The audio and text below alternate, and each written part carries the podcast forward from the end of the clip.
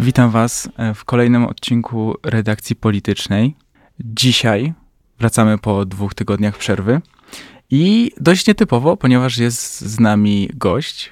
E, gość, który nam opowie o niedawnych wydarzeniach e, w krakowskiej scenie tutaj naszej lokalnej.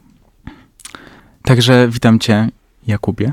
Dobry wieczór. Mm, I Kuba jest nowo wybranym radnym do e, Rady Dzielnicy. Dzielnicy. E, także ciekawie, bo mamy gościa pierwszy raz w studiu i jest to radny elekt. Jest z nami również niezastąpiony Bartek Śtusarczyk, który w drugiej części naszego programu opowie nam mnóstwo ciekawych rzeczy o e, naszej scenie politycznej i Sejmie i, tego, i tym, co się wydarzyło przez ostatnie kilka dni. Także witam cię tu również, Bartku. Dzień dobry Państwu. No i co? No i chyba zaczniemy od naszego gościa oczywiście. Witam Cię, Kuba, jeszcze raz bardzo serdecznie i powiedz nam, um, czym w ogóle są Rady Dzielnicy w Krakowie i jakie mają kompetencje, no i też pokrótce opowiedz nam o sobie. Y, to przywitam się jeszcze raz tutaj z słuchaczami oraz z panami redaktorami. Nazywam się Jakub Karpiński i zostałem wybrany 10 grudnia radnym dzielnicy Krowodrza. E, Rady dzielnicy są jednostką pomocniczą Rady Miasta. Jest to taka e, jednostka właśnie, która ma pomagać Radzie Miasta w realizowaniu różnych projektów. Przede wszystkim ma opiniować projekty, które e, znaczące dla dzielnicy, które Rada Miasta podsyła właśnie Radom Dzielnic. Mają one kilkumilionowe budżety i mogą te budżety wykorzystywać między innymi na realizowanie projektów związanych z zielenią, projektów związanych E, z edukacją, mają współpracować razem ze szkołami, przedszkolami, e, instytucjami e, właśnie takimi lokalnymi. Rada Dzielnicy powinna być najbliżej mieszkańców. To radni dzielnicowi właśnie w pierwszej kolejności mają pomagać mieszkańcom, ponieważ to oni najlepiej w teorii mają znać ich problemy. Mówię w teorii, bo czasami się zdarza, że radni dzielnicowi nie mieszkają w swoich dzielnicach, ale mam nadzieję, że w przyszłości i te wybory, mam nadzieję, że to też zmieniły i faktycznie radni dzielnicowi będą blisko ludzi, będą blisko tych mieszkańców. E, także bardzo ważna rzecz, e, tak jak mówię, rady dzielnicy powinny być najbliżej ludzi, e, mają one opiniować właśnie projekty, mogą dysponować małymi budżetami, mogą również tutaj wychodzić z inicjatywą uchwałodawczą do Rady Miasta w takich ważnych projektach, mogą również właśnie wydawać te pieniądze na placówki kultury, zieleń, remonty chodników, remonty dróg przede wszystkim. To może powiedz nam, skąd pomysł w ogóle na start i z, jakiej, z jakiego ramienia startowałeś? Mm, skąd pomysł na start? Y, moja dzielnica, Krowodrza, uważam, że jest bardzo ładnym miejscem do życia. E, mój okręg również, ponieważ mój okręg to był 20 okręg, to jest niedaleko Placu Inwalidów e, i Parku Krakowskiego. E, lecz od pewnego czasu zauważyłem, że nasza Rada Dzielnicy nie działa w sposób, w jaki ja bym chciał, żeby działała. Radny z mojego okręgu, który już kończy kadencję, moim zdaniem był trochę nieskuteczny i chciałbym, żeby to też się zmieniło. Dlatego kandydowałem. Moją kandydaturę popierało Stowarzyszenie Kraków dla Mieszkańców, którego również jestem członkiem, członkiem Alternatywy Młodych dla Krakowa. E, I też bardzo ważne w tym wyborach było to, żeby je odpartyjnić, ponieważ e, bardzo wiele partii politycznych e, właśnie posiadało członków w radach dzielnic, a uważam, że to nie jest miejsce na partyjne rozgrywki, partyjne gry, tylko faktycznie na to, żeby słuchać mieszkańców, słuchać tych najbardziej Mm, najważniejszych osób, czyli właśnie mieszkańców danej, danej dzielnicy. E, skąd jeszcze pomysł? Mam swój program wyborczy, który będę chciał realizować. Jest to między innymi rewitalizacja działki na ulicy Lat 13. Chciałbym, żeby tam powstał park kieszonkowy. Chciałbym, żeby chodniki były regularnie remontowane, ponieważ na przykład na ulicy Chopina jest z tym dość duży problem. No i chciałbym, żeby po prostu Rada Dzielnicy funkcjonowała w sposób taki normalny. Też od zawsze myślę, powiem tak enigmatycznie, teraz miałem coś takiego jak e, gen społecznika. E, od małego miałem e, takie poczucie, że warto zmieniać rzeczy dookoła nas, warto tutaj działać aktywnie. Zawsze cieszyłem się, jak widziałem jakieś małe remonty właśnie dookoła mm, mojej, mojej okolicy, więc dlatego postanowiłem kandydować i na szczęście się udało. A powiedz mi, bo nie wydaje mi się, żeby to były bardzo popularne wybory, nawet w dzielnicach, więc może nam opowiesz, jak to w ogóle wyglądało, bo słyszałem, że frekwencja była niesamowicie niska. Poniżej 10%. Y, tak, niestety średnia frekwencja była poniżej 10%. W moim y, okręgu y, to było około 8%. Y, choć są dzielnice, gdzie te, y, ta frekwencja była trochę wyższa. Dochodziła ona nawet do 14%. Tutaj rekordzistą po raz kolejny jest no, dzielnica Nowa Huta, gdzie radni dostawali po kilkaset głosów nawet. A niestety te wybory nie cieszą się dużą frekwencją z kilku względów. Po pierwsze, wydaje mi się, że ludzie byli y, zmęczeni. y, Przykro, jest mi to mówić, ale byli zmęczeni poprzednimi wyborami y, i cały czas żyją tą ogólnopolską polityką. Też bardzo mało były promowane te wybory. Nasze stowarzyszenie, Stowarzyszenie Kraków dla Mieszkańców, bardzo się staraliśmy te wybory promować. Ja też osobiście sam prowadziłem kampanię tak zwaną door to door, czyli chodziłem od drzwi do drzwi w moim okręgu, gdzie rozmawiałem z ludźmi, rozmawiałem z mieszkańcami, pytałem się, co im przeszkadza w dzielnicy, co należy zmienić i właśnie informowałem w ogóle o tych wyborach. Y, Wiem, że mnie, Urząd Miasta Krakowa podjął jakieś tam działania w celu promocji tych wyborów, lecz one moim zdaniem były y, promowane za późno. Ludzie po prostu o tych wyborach nie wiedzieli. Też kilka czynników się jeszcze na to złożyło, y, czemu była dość, niska frekwencja. Była to niedziela handlowa i ludzie y, tłumnie poszli do sklepów. Jest to trochę przykre, że nasza demokracja jest zależna od takich rzeczy, bo naprawdę te wybory są bardzo ważne. One są no, takimi najbardziej lokalnymi, najbardziej lokalna forma demokracji. Y, No ale tak jak mówię, mm, mnie dziwi ta niska frekwencja, y, ale mam nadzieję, że z czasem to się będzie zmieniać i w kolejnych wyborach ta frekwencja będzie dużo, dużo wyższa. Y, Też ja będę się starał jako, jako członek Rady Dzielnicy y, właśnie bardziej promować to u, nas na Krowodrzy, mm, żeby ludzie w ogóle wiedzieli o działaniach Rady Dzielnicy. No to może powiedz nam jeszcze, ilu w takiej Radzie Dzielnicy osób zasiada, czy wybieracie przewodniczącego, kiedy zapowiada się jakieś pierwsze spotkanie, jeżeli już o tym wiesz? Mm, tak. Y, ilu, ilu członków zasiada? 21 osób y, w 18 y, dziel, przepraszam, jeszcze raz. W mm, 18 dzielnic Krakowa, w sumie 366 radnych, y, 21 y, osób zasiada w radach dzielnic. Z wyjątkami są dzielnice 9 i dziel- dzielnica 17, gdzie tam zasiada po osób 15. Y, I wybiera się tych radnych w jednomandatowych okręgach wyborczych, więc kto ma wyższy wynik, po prostu zostaje wybrany radnym. E, Jeśli chodzi o zwołanie pierwszej sesji, z nieoficjalnych źródeł wiem, że będzie to e, jeszcze przed świętem Trzech Króli, e, więc będzie to początek przyszłego roku. A powiedz mi, Kuba, w ogóle, bo tak mówiłeś o tych remontach chodników i tak dalej i jak to w sumie wygląda w praktyce? Jeżeli masz jakiś pomysł albo mm, w ogóle jak to wyglądało w przeszłości, jaki wpływ w ogóle radny może mieć na faktyczne takie remonty i jakieś zmiany w dzielnicy?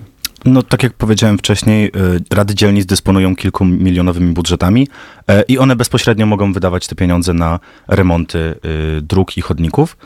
Tak samo jak właśnie w tych kwestiach zieleni, czy związanych ze szkołą, czy, czy jakimiś różnymi akcjami kulturalnymi czy sportowymi. E, No, Rada Dzielnicy zbiera się i y, ustala, czy y, budżet oczywiście. Jeszcze tutaj wcześniej nawiążę do pytania pana redaktora, ponieważ zapytał się, czy wybieramy przewodniczącego. Tak, oczywiście wybieramy przewodniczącego. E, Wybieramy właściwie zarząd dzielnicy, e, gdzie mamy właśnie przewodniczącego zarządu. Mm, To jest to taka najważniejsza osoba, która ma bezpośredni kontakt z Radą Miasta. E, I on, ta osoba jest wybierana na pierwszym posiedzeniu Rady. E, Też na pierwszym posiedzeniu Rady jeszcze nam towarzyszy radny miejski. E, On e, prowadzi te obrady, dopóki nie wybierzemy przewodniczącego zarządu. Również wybiera się członków zarządu. Są również tam komisje. E, Komisje na przykład właśnie do spraw zieleni czy infrastruktury, gdzie tam są ustalane konkretne potrzeby danej dzielnicy.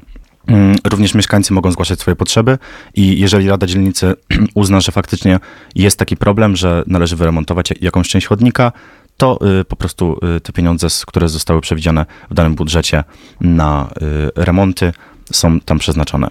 A powiedz mi, bo jesteś teraz jeszcze wciąż studentem, prawda? Tak. E, I jak ty sobie w ogóle wyobrażasz, czy w ogóle sobie wyobrażasz, że to będzie łatwe do pogodzenia bycie radnym i studentem i w ogóle? Mm, Wydaje mi się, że tak, ze względu na to, że y, po pierwsze charakter moich studiów y, pozwala mi na robienie y, różnych rzeczy dookoła. Y, Oczywiście tutaj podchodzę poważnie do nich, ale mamy A też kierunek? politologia na Uniwersytecie Jagiellońskim. E, Oczywiście też mamy, mamy sporo wolnego czasu, mimo wszystko, e, więc można pogodzić to e, ze studiami. Sesje też nie są zbyt częste. Mm, One, one się odbywają mniej więcej co dwa tygodnie. E, Taka rada się zbiera e, dzielnicy i, i omawia bieżące problemy.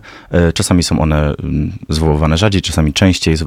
Mogą być też również zwoływane nadzwyczajne posiedzenia Rady w jakichś konkretnych przypadkach.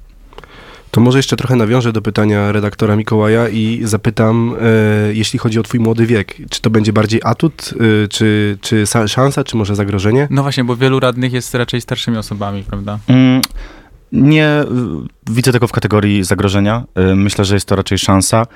Y, szansa na świeże spojrzenie, szansa na młodą krew, szansa na to, żeby wprowadzić nową energię do rad dzielnic. W bardzo wielu dzielnicach ludzie zasiadają od wielu lat w, w radach dzielnic, zasiadają od wielu lat i nie realizują swoich programów, idą tam nawet nie wiem w jakim celu. Z przyzwyczajenia. Z przyzwyczajenia może, może tak. I też radni, radni dzielnicowi dostają małe uposażenie, ale zawsze można E, sobie powiedzmy na tym dorobić. Może niektórzy patrzą na to w tej kategorii e, i nie realizują swojego programu, idą tam tylko po to, żeby e, podnosić rękę na głosowaniach, o ile w ogóle się pojawiają na głosowaniach.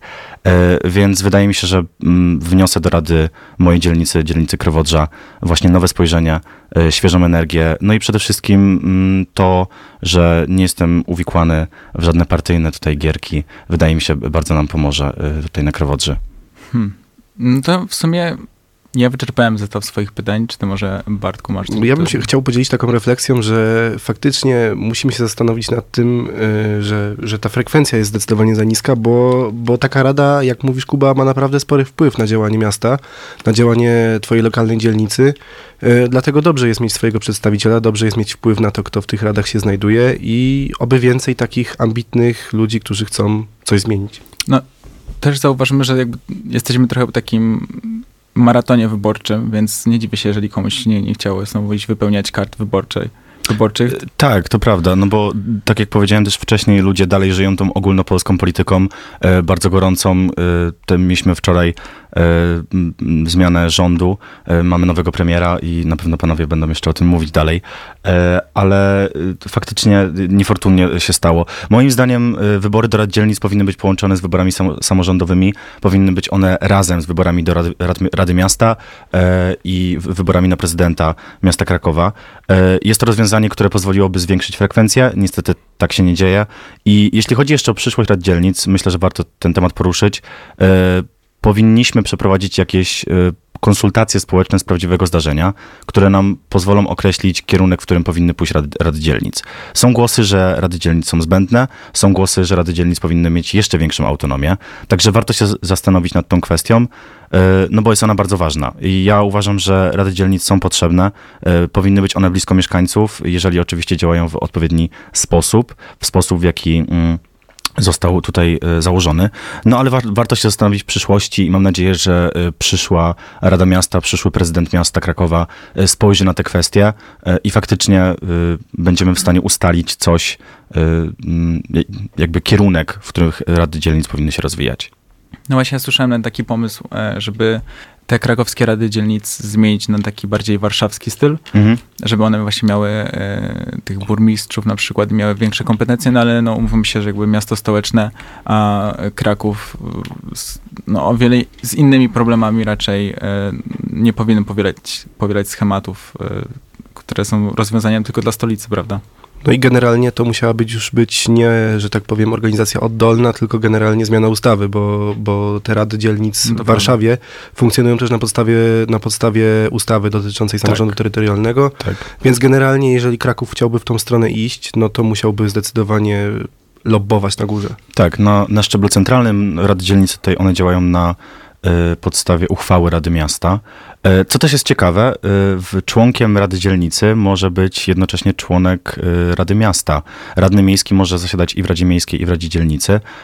Myślę, że jest to rozwiązanie w porządku, jeżeli faktycznie ci radni miejscy uczęszczają na, na te sesje, na spotkania Rady Dzielnic. E, I faktycznie warto się tutaj zastanowić nad, e, nad ewentualną zmianą.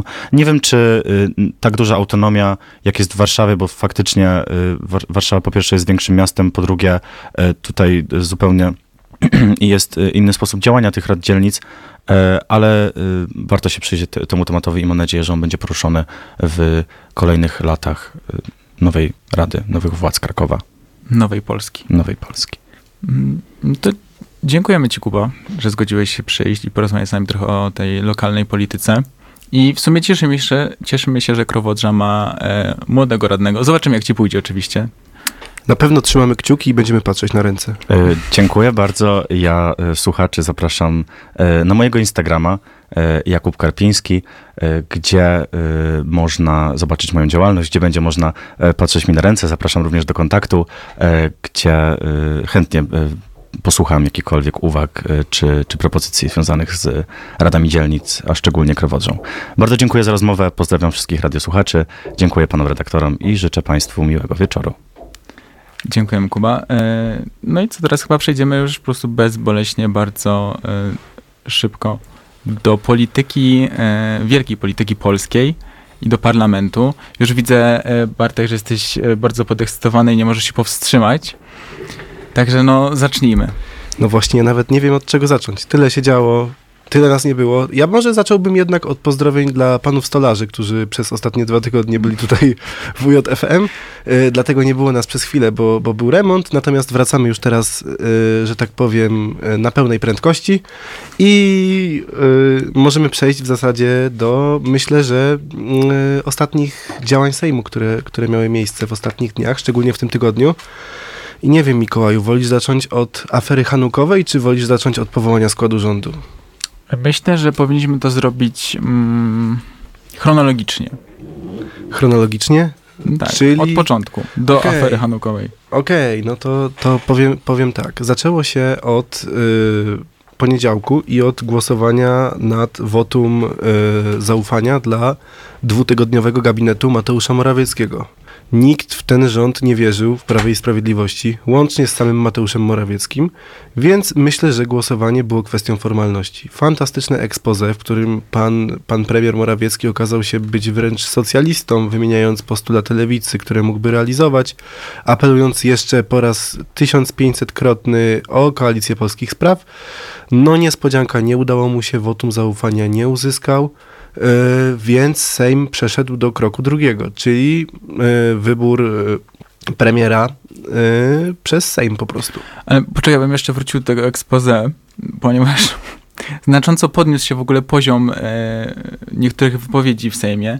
Wystarczyło tylko przegrać wybory i nawet jeżeli chodzi o te so, trochę socjalistyczne poglądy Morawieckiego, to e, pojawiły się już nawet takie przeróbki, że jest on e, zamiast Lenina e, na takim marszu robotniczym, albo też e, no w ogóle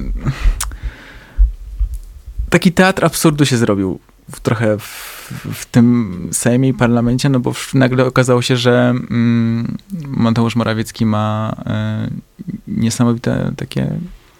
Tam też taki uśmiech do kobiet był chociażby. No właśnie, że te tak. jego poglądy nagle 180 stopni. Luka płacowa 4,5%, ale to i tak jest za dużo. Tu ja będę robił wszystko, żeby była 0%. No i tak, no panie Morawiecki, no co by pan nie próbował zrobić, no to niestety misja zakończyła się niepowodzeniem. No ale jakbyś się obudził na przykład, e, gdybyś był w piączce przez na przykład pół roku i obudził się nagle teraz, to trochę byłbyś zdziwiony. No jakbym, najpierw jakbym przeczytał, że Brown zgasił świecę hanukową gaśnicą, no to pewnie tak. Ale do tego oczywiście zaraz przejdziemy.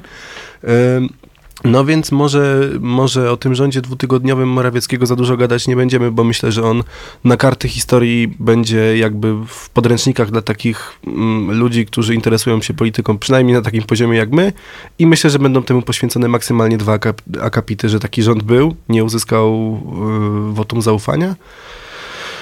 No i w, w, poniedziałek po południu przeszliśmy już do kroku drugiego, czyli do powołania rządu przez Sejm. To znaczy Sejm wysuwał swoją kandydaturę i ta kandydatura była głosowana. Mm, No i tak połowicznie to, co teraz powiem, jest prawdą, a połowicznie nie, bo można powiedzieć, że Sejm e, po raz pierwszy wybrał, e, wybrał premiera jako w sensie drugim kroku, bo no faktycznie od 89 roku chyba tylko sytuację wyboru rządu Jerzego Buzka można do tego przyrównać. Natomiast tam Jerzy Buzek ostatecznie został wybrany w trzecim kroku, natomiast był wysuwany przez Sejm w tym kroku drugim, tam wotum nie uzyskał i uzyskał je dopiero po nominacji prezydenckiej już zwykłą większością głosów. No więc jest to trochę sytuacja niespotykana, no ale też okoliczności były szczególne, kiedy prezydent powierza misję formowania rządu e, premierowi Morawieckiemu, który tej większości nie ma, kiedy większość jest znana w zasadzie po głosowaniu na marszałka Sejmu. I dopiero praktycznie po miesiącu od wyborów, bo, bo no, miesiąc bez dwóch dni minął od y, głosowania, y, wyborów parlamentarnych, y, kiedy dopiero ten rząd, który w zasadzie można było już dawno ukonstytuować się, ukonstytuował. Do tego rządu oczywiście też zaraz przejdziemy, ale może tak jak mówisz chronologicznie, przejdźmy teraz do tego kroku drugiego i wyboru, y, wyboru Tuska na premiera. To odbyło się w poniedziałek wieczorem. E, No i o głosowaniu w zasadzie nie ma co mówić. Wiadomo jaka większość była, wiadomo jaka większość wybrała Tuska, czyli te 248, koalicja 248, która już po 15 października się zawiązała. W zasadzie Tusk w ekspoze nazwał ją koalicją 15 października. E, No tutaj zaskoczenia nie było. Konfederacja przeciw, PiS przeciw. Yy, Koalicja 15 października za. Natomiast y, historyczne rzeczy, myślę, działy się zaraz po wyborze Tuska, który zabrał głos, bardzo krótko, bo, bo w ciągu dwóch minut y, zdążył odnieść się do tego, że dedykuje ten sukces swoim dziadkom. Widziałem to i to chyba nie trwało. Trochę dłużej trwało niż dwie minuty, tak mi się wydaje, ale generalnie dość krótko. Kilka minut. To No, takie symboliczne ja dwie wiem. minuty, ale w porównaniu do jego następ... expose, które wygłosił następnego dnia, to naprawdę były dwie minuty. Nadrobił sobie później. No właśnie widziałem, bo wcześniej został nazwany oczywiście niemieckim agentem.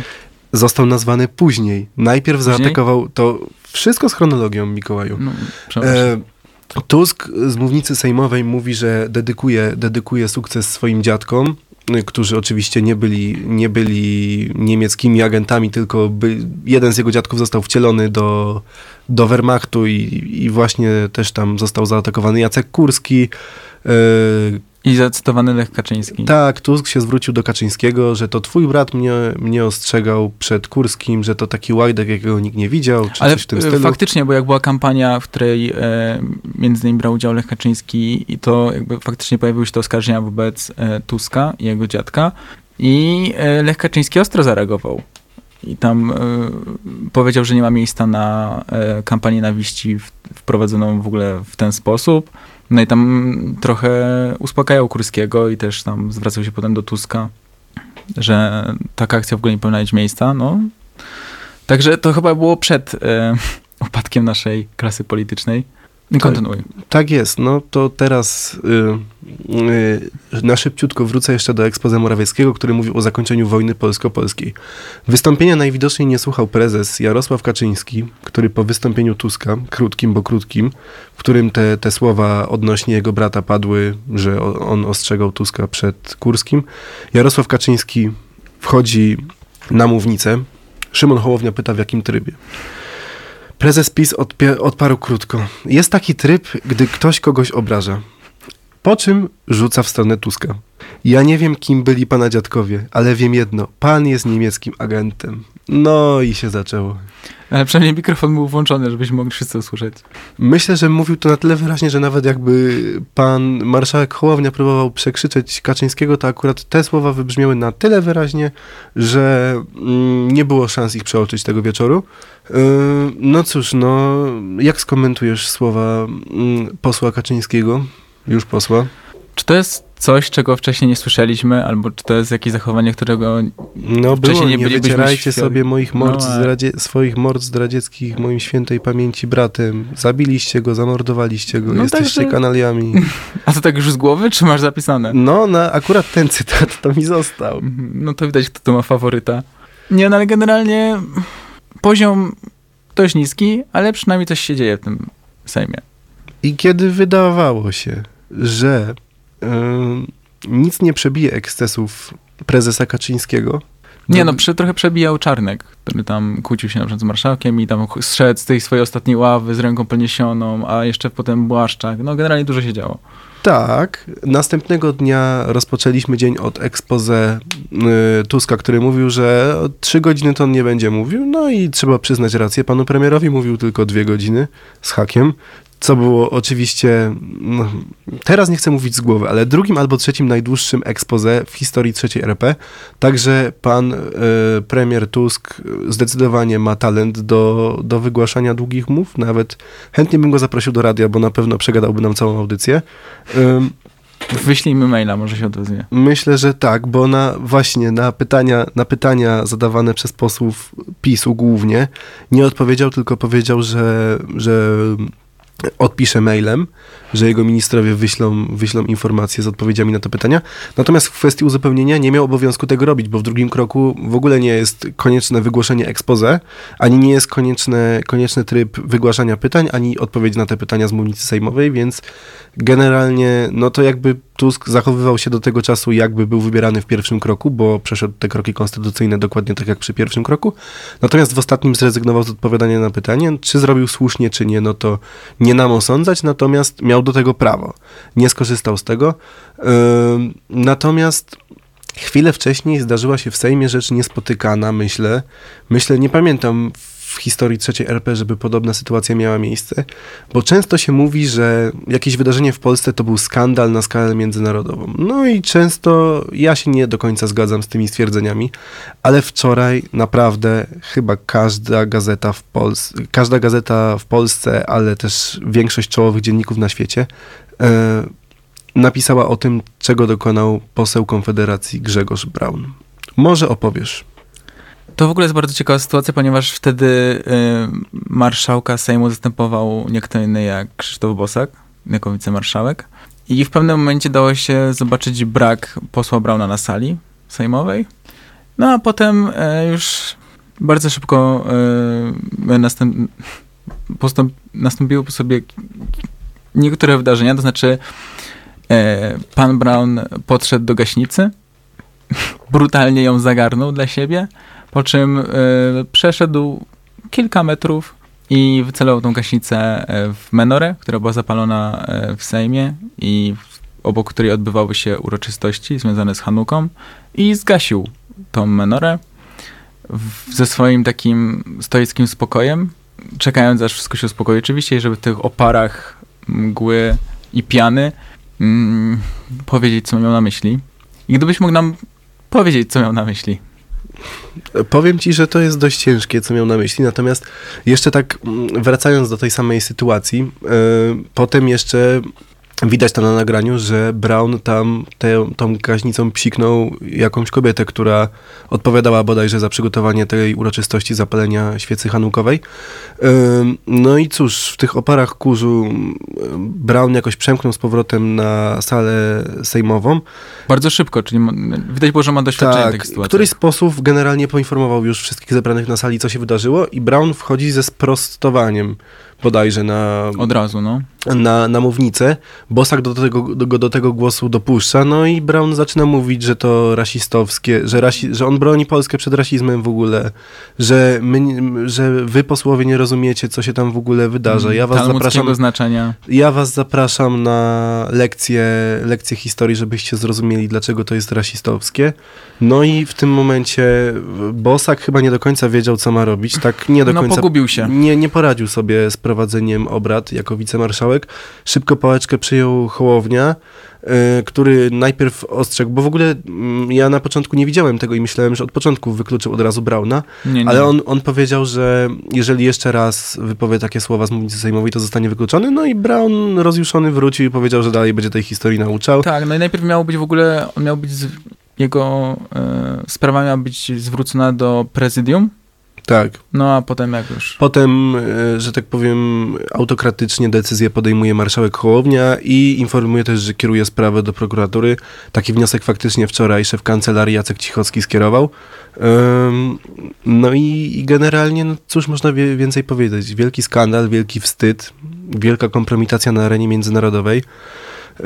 Pytanie, co dalej z Konfederacją, która dzisiaj zawiesiła Brauna, natomiast jestem ciekawy, bo tego, tego nie widziałem, czy wszyscy członkowie Konfederacji głosowali jednoznacznie za tym, bo na przykład wczoraj y, ta informacja o tym, że Konfederacja potępia to zachowanie, została przez y, jednego z członków y, Konfederacji Korony Polskiej, czyli partii Grzegorza Brauna, których członków łącznie jest czterech, albo pięciu, czterech bodajże, ym, wybranych z jego list. Jeden z tych członków powiedział, że on był przeciwko ym, przeciwko potępieniu zachowania Brauna wczorajszym.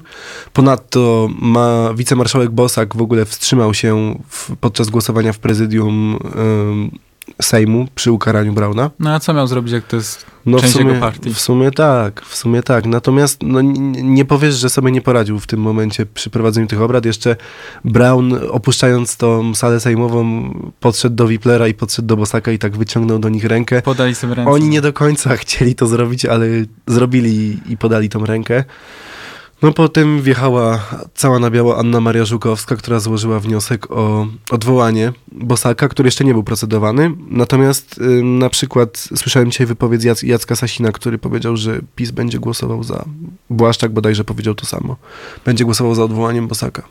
No, Jest też wniosek, żeby odwołać Hołownię, który będzie PiS składał. Tak, to Jarosław Kaczyński znowu przebudził się, bo PiS szybko znalazł sobie narrację, że to w zasadzie można ym, zwalić trochę na Hołownię winę za, za to zachowanie Brauna. Oczywiście nie bezpośrednio, bo wiadomo, że to nie on, ale przez to, że robi taki cyrk, że odstawia to show, że zaprasza na popcorn, no to Brown się poczuł zbyt pewnie.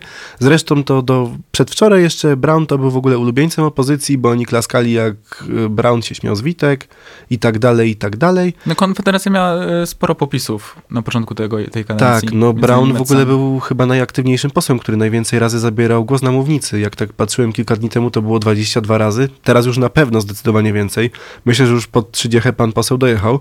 E, natomiast no w tej, e, na tym posiedzeniu, na tym pierwszym posiedzeniu, które cały czas trwa, już głosu nie zabierze. Natomiast dobre pytanie, ile ono jeszcze potrwa, bo prawdopodobnie Hołownia dochodzi już do wniosku, że powoli to pierwsze posiedzenie będzie dochodziło do końca. Jeszcze miał być przyszły tydzień chyba i bodajże koniec. A teraz nie wiem. No nie wiem, jakie jeszcze atrakcje dla nas przygotował nasz Sejm. Mam nadzieję, że kilka będzie. Mm, No bo w sumie powoli chyba... Czy, nie wiem właśnie, jak to określić. Czy gaśnie, czy wciąż rozbudza się to zainteresowanie tym mm, posiedzeniem Sejmu. No ale ono nie, wiecznie też nie będzie trwało, także... Nie będzie trwało. Myślę, że osiągnęło pik przy wyborze Tuska na premiera i generalnie przy tych dwóch dniach expose, wotum zaufań i tak dalej, no, dalej, no bo generalnie jest to najbardziej medialny moment w czasie, w czasie kadencji. No i najbardziej wydaje. memiczny do tego momentu. I do, te, I do tego memiczny. No myślę, że jeszcze ewentualnie jakieś gorące ustawy typu dyskusja o aborcji może przyciągnąć duże zainteresowanie, ale generalnie no nie sądzę, że, że jest się w stanie utrzymać aż tak wysoką aktywność yy, Sejmu i tak wysokie zainteresowanie. Natomiast, co by nie powiedzieć, działy się rzeczy historyczne, jeśli chodzi o zainteresowanie Sejmem i nigdy wcześniej w trzeciej RP aż takiego zainteresowania łącznego wydaje mi się nie było. W trzeciej RP i na YouTubie przecież przez jakiś czas Na YouTubie to była zdecydowanie. Transmisja e, na żywo z Sejmu była pierwszą transmisją w ogóle e, z największą ilością wyświetleń. Na całym świecie. na całym świecie. Także ja mam dwie koncepcje, że pi- pierwsza to jest taka, że faktycznie e, to jest zbyt memiczne, żeby to przegapić i po prostu ludziom się podoba ten cały cyrk i ta rozrywka, która jest kręcona. A druga jest taka, że to jest początek nowego społeczeństwa obywatelskiego w Polsce. Tylko właśnie nie na takiej bazie mm, aktywności w tworzeniu wniosków czy tam projektu ustaw, tylko właśnie w takiej em, widowiskowej. To znaczy, że my będziemy po prostu siedzieć i oglądać cyrk, który się odbywa, ale przez to będziemy bardziej świadomymi obywatelami, będziemy wiedzieć, kto co robi w tym Sejmie. Jak ty się na to zaopatrujesz? Ciekawa koncepcja i myślę, że byłoby to, byłby to scenariusz idealny i wymarzony, natomiast na pewno duża część z tych, którzy oglądali obrady w ostatnich dwóch dniach odpłynie i nie będzie zainteresowana specjalnie. No, jak wiadomo, ludzi przyciąga kontrowersja, przyciąga akcja i takie rzeczy, jak działy się wczoraj, jak działy się przedwczoraj, zdecydowanie ludzi zachęca. Mam nadzieję, że to zmobilizuje trochę społeczeństwo obywatelskie. Myślę, że, że ten koncept społeczeństwa obywatelskiego ma szansę się wykazać w wyborach samorządowych, które już na wiosnę, prawdopodobnie 7 kwietnia. I myślę, że trochę frekwencja tych wyborów może pokazać, czy ludzie faktycznie zwiększyli zainteresowanie polityką. Ja wiem, że to nie jest bezpośrednio Sejm, ale jednak jest to polityka, w, który, w którą myślę zaangażują się jednak y, zarówno członkowie rządu, zaangażują się czołowi y, politycy PiSu i Konfederacji, więc trochę tej krajowej polityki też do, do tej samorządowej przejdzie i myślę, że, że to może być taki test trochę z demokracji dla nas. No PiS na pewno będzie chciał e, odbić chociaż samorządy, prawda? No bo jak nie masz większości w parlamencie, no to te samorządy też można.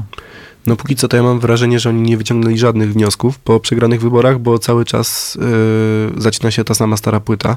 Kogo bym nie słuchał w radiu, czy to w RMF-ie, czy w Radiu Z przychodzi i dalej mówi to samo, czyli że w zasadzie to Kaczyński nie ma co przepraszać za tego niemieckiego agenta, bo to przecież jest Tusk, to jest niemiecki polityk i tak dalej, czyli dalej stara śpiewka z kampanii, a zresztą oni to nie mają sobie nic do zarzucenia, bo przecież oni reprezentują 8 milionów wyborców i dalej nie mają wicemarszałka. I żadnego jakby nie widzę tutaj planu na Polskę, nie widzę żadnego programu, chociaż Morawiecki ma teraz niby stanąć na czele takiego zespołu, który będzie konstruował jakiś plan. Gabinet cieni. No taki quasi gabinet cieni, bo oni się będą jakąś radą, radą do spraw programu, czy coś takiego nazywać i mają tam tworzyć jakieś projekty. No to taka może, może trochę taki gabinet cieni, jak za starej, dobrej platformy Grzegorza Schetyny w 2016 roku. No zobaczymy, może to będzie ten sam problem, który miała Platforma po swojej wielkiej przegrania, przegranej w 2015 roku. No jeżeli pójdzie takie polityczne domino i, i samorząd i prezydent zostaną przegrani przez PiS, no to myślę, że znajdą się w jeszcze trudniejszej pozycji niż Platforma po 2015 roku. No w sumie też prawda. No ale zobaczymy w końcu, może Hołownia zostanie tym prezydentem i będzie śmiesznie.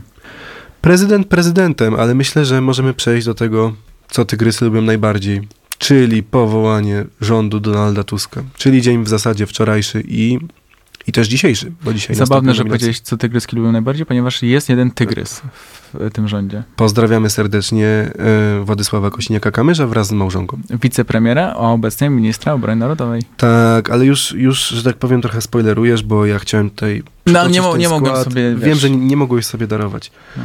No, generalnie, generalnie, ym, generalnie wotum zaufania dla premiera Tuska zostało uzyskane wczoraj ym, w godzinach późno wieczornych, to znaczy koło godziny 21.30, coś takiego miało miejsce to głosowanie. No i też standardowo koalicja 15 października za, wszyscy pozostali przeciw, yy, czyli tam bodajże wynik 248 do 201 na korzyść Tuska. Yy, No i generalnie ciekawe to było, bo w zasadzie Tusk musiał dwa razy brać udział w głosowaniu przy wyborze na siebie, bo wcześniej został wybrany jeszcze w poniedziałek wieczorem premierem, a teraz było głosowanie za składem jego Rady Ministrów, więc jakby Sejm osobno opiniował jego kandydaturę, osobno skład członkowski Rady Ministrów, który wcześniej oczywiście Tusk przedstawiał. No i dzisiaj rano y, o godzinie 9 ym, prezydent Andrzej Duda wręczył nominację i ostatecznie już zatwierdził, nominował wszystkich kandydatów, a teraz nowo wybranych ministrów. Y, No to zanim przedstawię ten skład, to może powiem o tym, co Tusk dzisiaj zrobił. Najpierw było po zaprzysiężeniu, na którym Tusk wygłosił kilka słów, ale tam raczej nic ciekawego nie padło.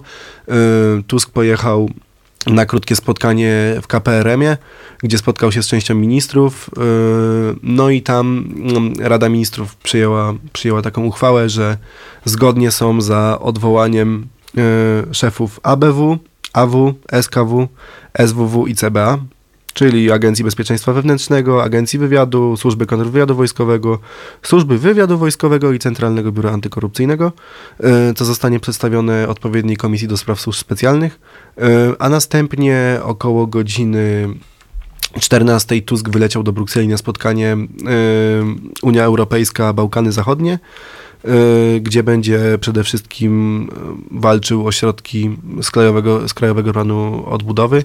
W piątek spotka się z Ursulą von der Leyen, y, a jak jechałem tutaj już do studia, to przeczytałem, że jest opcja, że jutro, nawet jutro, Tusk spotka się z Wołodymirem Zełańskim. Mm, Generalnie mm, no Tusk odpowiedział, że jest szansa, że jutro, natomiast nie obiecuje, że to będzie jutro, natomiast w zdecydowanie najbliższym czasie, czyli jak zrozumiałem w najbliższym tygodniu, takie spotkanie będzie miało miejsce, gdyż jak to powiedział, on dla ukraińskich przyjaciół zawsze znajdzie czas. Ale to ma być spotkanie twarzą w twarz, czy online? Face to face. Mm, Proszę. Face to face. Yy, Ponadto, yy, według jednego z amerykańskich korespondentów, w niedługim czasie dojdzie do spotkania na linii nowy minister spraw zagranicznych Radosław Sikorskich, a sekretarz stanu Antony Blinken, yy, co ma być wstępem do spotkania w Białym Domu pomiędzy Donaldem Tuskiem a, Donaldem Tuskiem a Kamalą Harris. Yy, Być może też rozmowa z Joe Bidenem, natomiast widać, że te rozmowy z Amerykanami wracają na dobry tor. Co by nie mówić o Radosławie Sikorskim, akurat z Amerykanami kontakt zawsze miał dobry, czy to z republikanami, czy z demokratami. I nawet nie próbuj zaczynać tego tematu i tego zdjęcia, które pokazał ambasador y, Rosji w ONZ-cie, bo ja doskonale wiem, że Radosław Sikorski jest y, człowiekiem wielu wad, ale wydaje mi się, że jest też twardym dyplomatą. Jeśli chodzi o stosunki z Amerykanami, to tutaj możemy być spokojni. Znaczy ja generalnie nie mam nic do polityki Radosława Sikorskiego, bo też nie jestem z nim jakoś mocno zapoznany, powinienem sobie chyba teraz odświeżyć bardziej, ale mam nadzieję, że pan Radosław Sikorski ostrożnie będzie używał e, swojego języka oraz Twittera, jak już jest tym ministrem i że nie będzie taki zmęczony, jak czasami był w e, Parlamencie Europejskim. Ale też e, nie wiem, czy koniecznie on jest takim dobrym kandydatem na ministra spraw zagranicznych. Tym bardziej, że no, jest tą starszą kadrą, e, prawda, polityczną i nie wchodzi się dwa razy do tej samej rzeki. Także zobaczymy, jak będzie, ale no, ostrożnie. Rozumiem, że ten sam zarzut do Bartłomieja Sienkiewicza, czyli nowego ministra kultury. Też nie wchodzi się dwa razy do tej samej rzeki. Znaczy, on co prawda nie do tego No samego ministerstwa, No ale do rządu tego samego premiera i też jest raczej kojarzony y, z rządem minionym. Natomiast ym, no, generalnie jest taka koncepcja, że ten rząd, który dzisiaj się ukonstytuował, którego skład zaraz, y, zaraz Państwu przedstawimy, to generalnie jest rząd y, półroczny bądź roczny, który ma posprzątać bajzel po pisie, jak to się mówi w kuluarach. 400 dni, tak? Tak. 100, 400 dni. No. Tak, tak, tak. No a potem do głosu mają dojść młodsi, chociaż już tacy w rządzie też się pojawili, jak na przykład minister finansów Andrzej Domański, który jest przedstawicielem raczej młodszego pokolenia. E, W ogóle odsłuchałem sobie naszej audycji z 27 bodajże października, czy tam, no generalnie z końca października, gdzie typowaliśmy tutaj wspólnie tych, tych ministrów, którzy mogą się pojawić i część nazwisk faktycznie się pokryła, mimo że ja wtedy mówiłem, że ciężko z tymi przeciekami, że to tak pojawiają się te spekulacje, ale takie, że ja bym w, średnio w nie wierzył. A na przykład właśnie sprawdził się Adam Szłapka jako minister do spraw Unii Europejskiej, sprawdził się Marcin Kierwiński jako mi, minister spraw wewnętrznych i administracji, sprawdził się Siemoniak, chociaż nie jako minister Obrony Narodowej, no bo tutaj nasz tygrysek Władysław Kośniak-Kamysz, yy, natomiast będzie on koordynatorem spraw, do spraw służb specjalnych. Yy, No ten przytoczony Andrzej Domański jako minister finansów, yy, o kim tu jeszcze mówiliśmy, o Agnieszce Dziemianowicz-Bąk, tylko że jako inny minister, bo ona będzie ministerką rodziny, pracy i polityki społecznej, a miała być edukacji. Edukacja też się rozdzieliła na szkolnictwo wyższe i i bu, bu, bu, no i klasyczne Ministerstwo Edukacji, raczej to skupione na edukacji szkolnej i y, ponadpodstawowej. no, ostatnio to się akurat zmieniało. Bo było, najpierw było oddzielnie, potem było razem, potem znowu było oddzielnie. Powstało Ministerstwo Przemysłu na Śląsku, znaczy powstało, no generalnie została powołana pani minister, która ma, która ma to ministerstwo utworzyć na Śląsku. To też jest ciekawe i jest to, w zasadzie można na tej liście 100 konkretów, można jedno odhaczyć, czyli mamy jeden konkret. Ale no generalnie e, pamiętam, że przed wyborami dużo było o tym, jak to dużo jest ministerstw, jak to dużo jest ministrów. No i w sumie Jest dużo. zamiast zmniejszać, Ale ja potem słuchałem któregoś wywiadu i powiedzieli, że to, a to nie chodziło o ministerstwo, to chodziło, A. że było dużo wiceministrów. To teraz no tak. teraz przyjdzie- jest dwóch. przyjdziemy za tydzień i To policzymy sobie, e, policzymy sobie, ile jest wiceministrów za tydzień i porównamy to do PiSu. I podobno z tego można rozliczać. Ja bym rozliczał jednak z tego, że pojawiają się ministrowie bez teki, którzy w zasadzie są jakimiś ministrami. No jest pani minister do spraw równości, jest pani minister do spraw społeczeństwa obywatelskiego. No ale trochę tych ministerstw się nam pojawiło. No. Tak jak rozdzieliliśmy szkolnictwo wyższe i edukację narodową. No ale może przejdźmy jednak do tego, kto te stanowiska będzie zajmował już tak po kolei. Oczywiście premiera przedstawiać nie trzeba, Donalda Tuska i w jego gabinecie po kolei, tak jak już mów, mówiliśmy, wspominany Władysław Kośniak-Kamysz jako wicepremier i minister obrony narodowej. Ciekawe. Yy, bo, Tym bardziej, że nie z lekarzem. bo tak. I nawet 27 października o tym mówiłeś, także widzę, że lubisz wypominać, yy, że tak powiem, wykształcenie. Mnie bardzo bawi, jak zawsze ministrem obrony narodowej jest ktoś, kto jakby nie ma kompletnie związku z To ani ministrem, to jest ani obroną, ani lekarz. narodową. To jest drugi lekarz, który został wice, który został yy, ministrem obrony narodowej po Bogdanie Klichu. tak. Który ciekawe. podobno jest e, dobrym psychiatrą. No to bardzo ciekawa. Chociaż Opinia. jako minister z obrony narodowej się nie bardzo sprawdził. Krzysztof Gawkowski, drugi wicepremier, tym razem z lewicy, został ministrem cyfryzacji. A E, to jest, przepraszam, to jest ta grafika z papu? Czy... Nie, akurat wypisałem sobie własną listę, ale Okej. możesz, jak masz, możesz mnie uzupełniać, jeżeli posiadasz jakąś Znaczy, inną bo nie listę. wiem, czy ona jest aktualna, bo to jest starszy artykuł, więc... A grafika mi się podobała. E, No generalnie, generalnie te stanowiska się nie zmieniły e, od ostatnich publikacji medialnych, powiedzmy tam od dwóch tygodni, więc generalnie, jeżeli to nie są starsze informacje, to raczej tutaj się wszystko sprawdza. Ale jedźmy dalej. Mm, Gawko, oczywiście jeszcze słówko o Gawkowskim. Gawkowski siedzi w Komisji Cyfryzacji już którąś kadencję, także wydaje mi się, że tutaj doświadczenie akurat jest. E, pytanie, co będzie miał zamiar wprowadzać. Już wczoraj pierwsza ustawa dotycząca bodajże opóźnienia przesyłu elektronicznego została przyjęta większością głosów zdecydowaną, bo i Koalicja 15 października e, i Prawo i Sprawiedliwość głosowały za tymi poprawkami, które tam w tej komisji zostały zgłoszone, więc można powiedzieć, że cyfryzacja już działa. Ciekawe, minister sprawiedliwości Adam Bodnar, yy, którego też tutaj typowaliśmy wcześniej, i ja wtedy powiedziałem, że widziałbym go bardziej jako marszałek Senatu, ale zobaczymy, bo uważałem, że ma za mało cech charakteru, które mogłyby twardo rządzić mu, pomagałyby mu twardo rządzić po prostu w Ministerstwie Sprawiedliwości. Natomiast ciekawe, już jako pierwsze, yy, jako pierwsze ma zamiar, yy, w zasadzie to już podpisał dzisiaj, yy, dołączyć Polskę do prokuratury europejskiej i podpisał dokument za zgodą Donalda Tuska. No, czyli już się zaczęło oddawanie kompetencji. No jeden dzień Tusk rządzi, już jest w Brukseli. No, Tyle- no od razu pojechał też, co Tak. ciekawe, no. Po pieniądze z KPO, bo on powiedział, że jak zostanie premierem, to od razu pojedzie i faktycznie pojechał. Chociaż wcześniej też była rozmowa o tym, że mm, miały być tam, nie, próg podatkowy miał być przecież to od 60 tysięcy, tak? Ulga?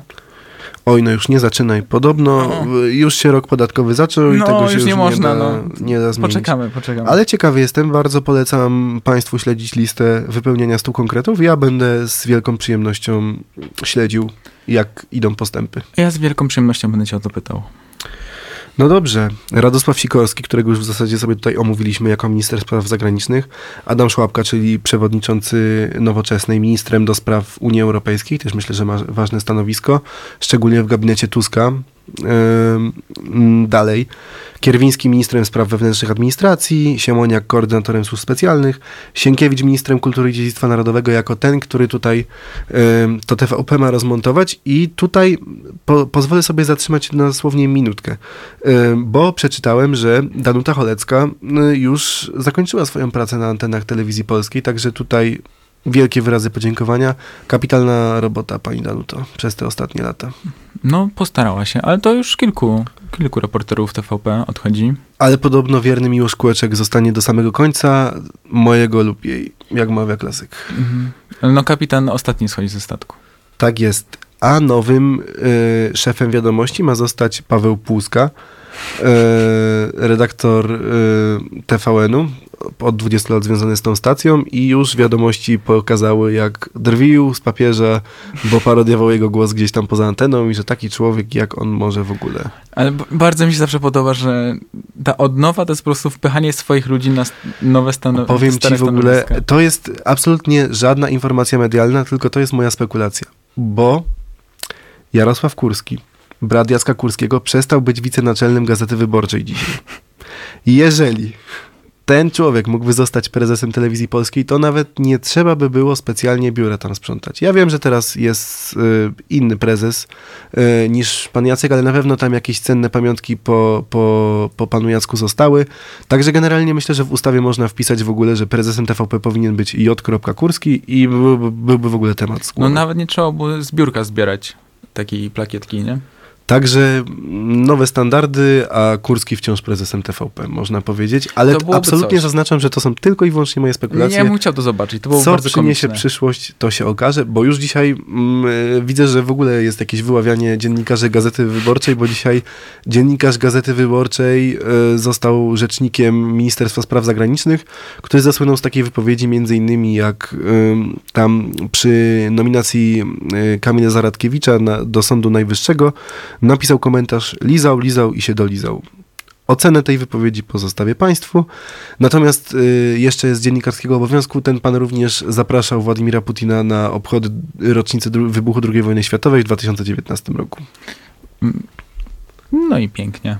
Ale też widziałem, że y, dziennikarz TVN robił wy, wywiad, czy też pytał o zdanie dziennikarza Gazety Wyborczej. Niesamowite. No właśnie, tak właśnie, tak trochę, to tak jakby trochę te, ktoś z TVP pytał kogoś z, z Republiki. No. Co ciekawe, to był taki słab w ogóle dziennikarze przez całą kadencję PiSu, że oni tak, no, ale to wszyscy wiemy w sumie. Jeszcze można by dużo było mówić o mediach, ale żebyśmy szybko przelecieli jeszcze przez tych, bo ja wiem, że już mnie tutaj goni, żebyśmy kończyli, ale daj mi Daję jeszcze... ci dwie minuty. Dobra, no to lecimy szybko. Borys Budka, minister aktywów państwowych, e, który już zapowiedział, że mm, nie będzie prywatyzacji na pytanie telewizji mediów narodowych, TVMN, co ciekawe, zadane Borysowi Budce, czy będzie likwidował, ym, czy będzie prywatyzował Orlen, powiedział, że na odwrót on musi odprywatyzować Orlen, bo tam na razie prywatny gang Daniela Obajtka zasiada, więc myślę, że już niedługo Daniel Obajtek może się pakować, podobno do NBP, do NBP, ale co będzie, no to się okaże. E, Dalej.